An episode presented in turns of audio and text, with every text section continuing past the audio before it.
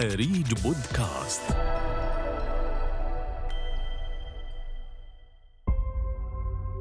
في عين اسمها عين القنطرة. هاي هي المغذي الرئيسي لوادي كفرنجة. سحبت الدولة سلطة المياه لاستخدام المياه للشرب. لا شك يعني التنظيم ضروري لأنه كمية المي اللي تنزل قليلة بسبب الاعتداء على المصادر الرئيسية. أولوياتنا للشرب وبعدين الاتجاه للزراعة المي اللي تزيد بياخذوها المزارعين كجمعيات وبياخذوا دور مي وبياخذوها.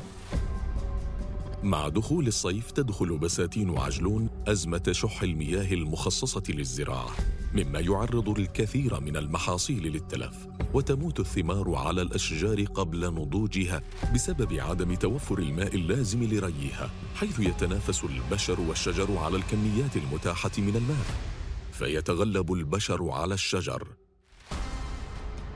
يزداد الأمر سوءا مع ترجيح الخبراء تراجع هطول مياه الأمطار في الأردن والتي لم تحقق العام الحالي إلا 60% من معدلها السنوي. فأين تضيع مياه الأمطار؟ وما هي الحلول العلمية التي يمكن أن تساعد على حل المشكلة؟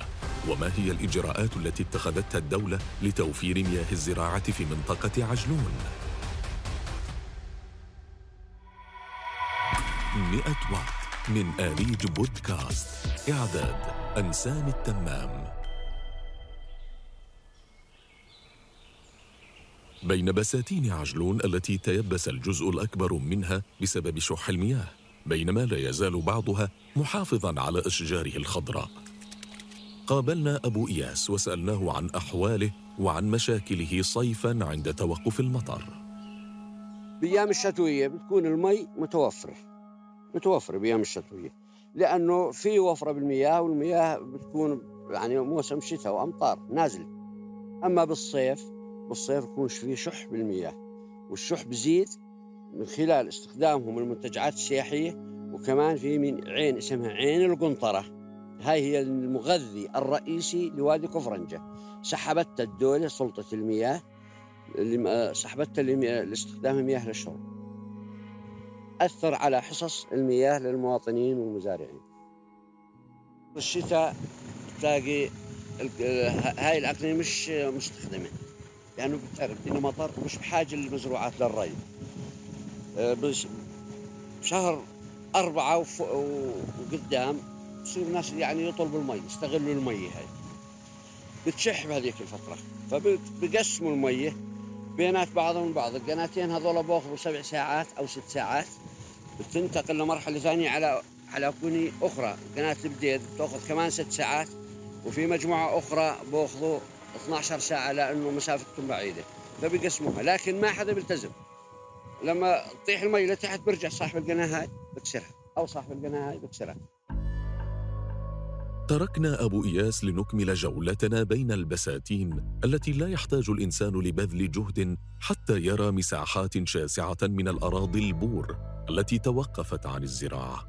تؤكد ذلك بعض المصادر الإعلامية التي ذكرت أن الأرقام الرسمية في مديرية زراعة محافظة عجلون تشير إلى أن المساحة المستغلة زراعياً في عجلون لا تشكل إلا حوالي مئة ألف دنم مقابل زهاء 150 ألف دنم غير مستغلة رغم خصوبتها.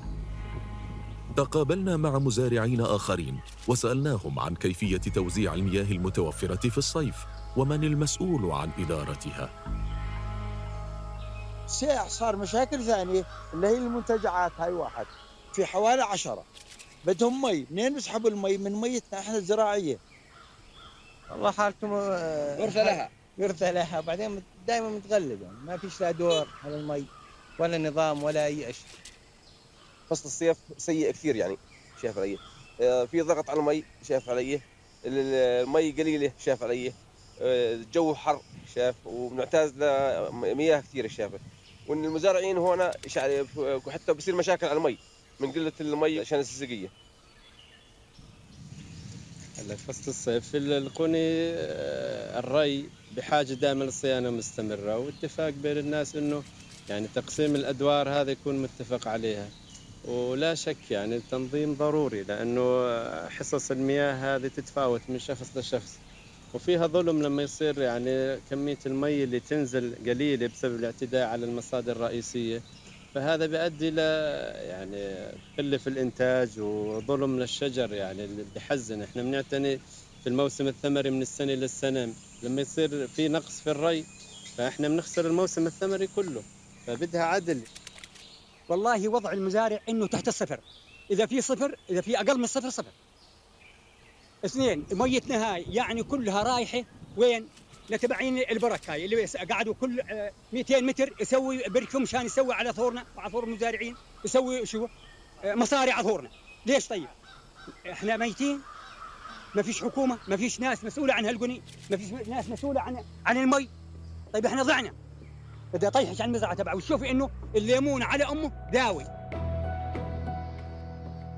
عدد المزارعون الأسباب التي تؤدي إلى مشكلة شح المياه في منطقة عجلون.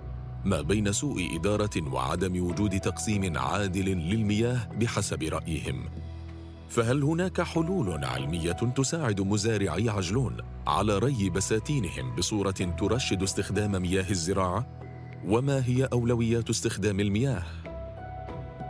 توجهنا بسؤالنا إلى مساعد المدير العام لشؤون البحث بالمركز الوطني للبحوث الزراعية الدكتور نعيم مزاهره. يعني إحنا أولوياتنا للشرب وبعدين الاتجاه للزراعة. وبالتالي منطقة عجلون كان فيها ينابيع كانت سابقا يعني عدد السكان كان قليل كانوا يشربوا والمي اللي تزيد بيأخذوها المزارعين كجمعيات وبيأخذوا دور مي وبيأخذوها. ممكن يعملوا عملية تخفيف من التبخر بعد كل ري يعني هو بجوز برويله مرة بالأسبوع أو مرتين. فبعد كل ري ممكن إنه يعمل يعمل ملش يغطي سطح التربة المبللة حتى يخفف من التبخر أو إنه بقايا أعشاب أو قش يحطها على السطح اللي تخفف آه، من هاي الشغلة. الشغلة الثانية إذا كان هو ري سطحي يتحول للري بالتنقيط الري بالتنقيط بيعطي كميات يعني محددة في وقت محدد في مكان محدد وبالتالي بنرفع من كفاءة استخدام المياه بشكل جيد. إذا هناك بعض الحلول العلمية التي توفر من حجم المياه المستهلكة في الزراعة وتراعي المشكلة العامة المتمثلة في انخفاض معدلات هطول الأمطار على المملكة. ولكن هل هناك خطط حكومية تنموية تساعد مزارعي منطقة عجلون ليتمكنوا من الاستفادة القصوى من بساتينهم؟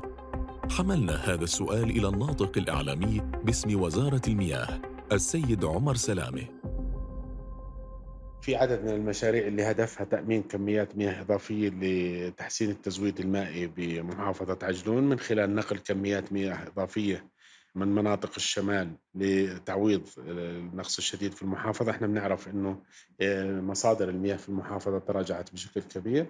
أيضا لدينا خطة لرفع طاقة مثل ما ذكرت تحلية المياه من سد كفرنجة رفعها إلى 500 متر مكعب. بالساعة يوميا وهذا سيؤدي إلى تحسن الوضع في مناطق المحافظة. بحسب السيد عمر سلامي تعمل الحكومة على توفير كميات إضافية من المياه بنقلها من محافظات الشمال إضافة إلى رفع كفاءة محطة تحلية المياه في سد كفرنجة لمواجهة الطلب المتزايد على المياه للاستخدام الآدمي والاستخدام الزراعي.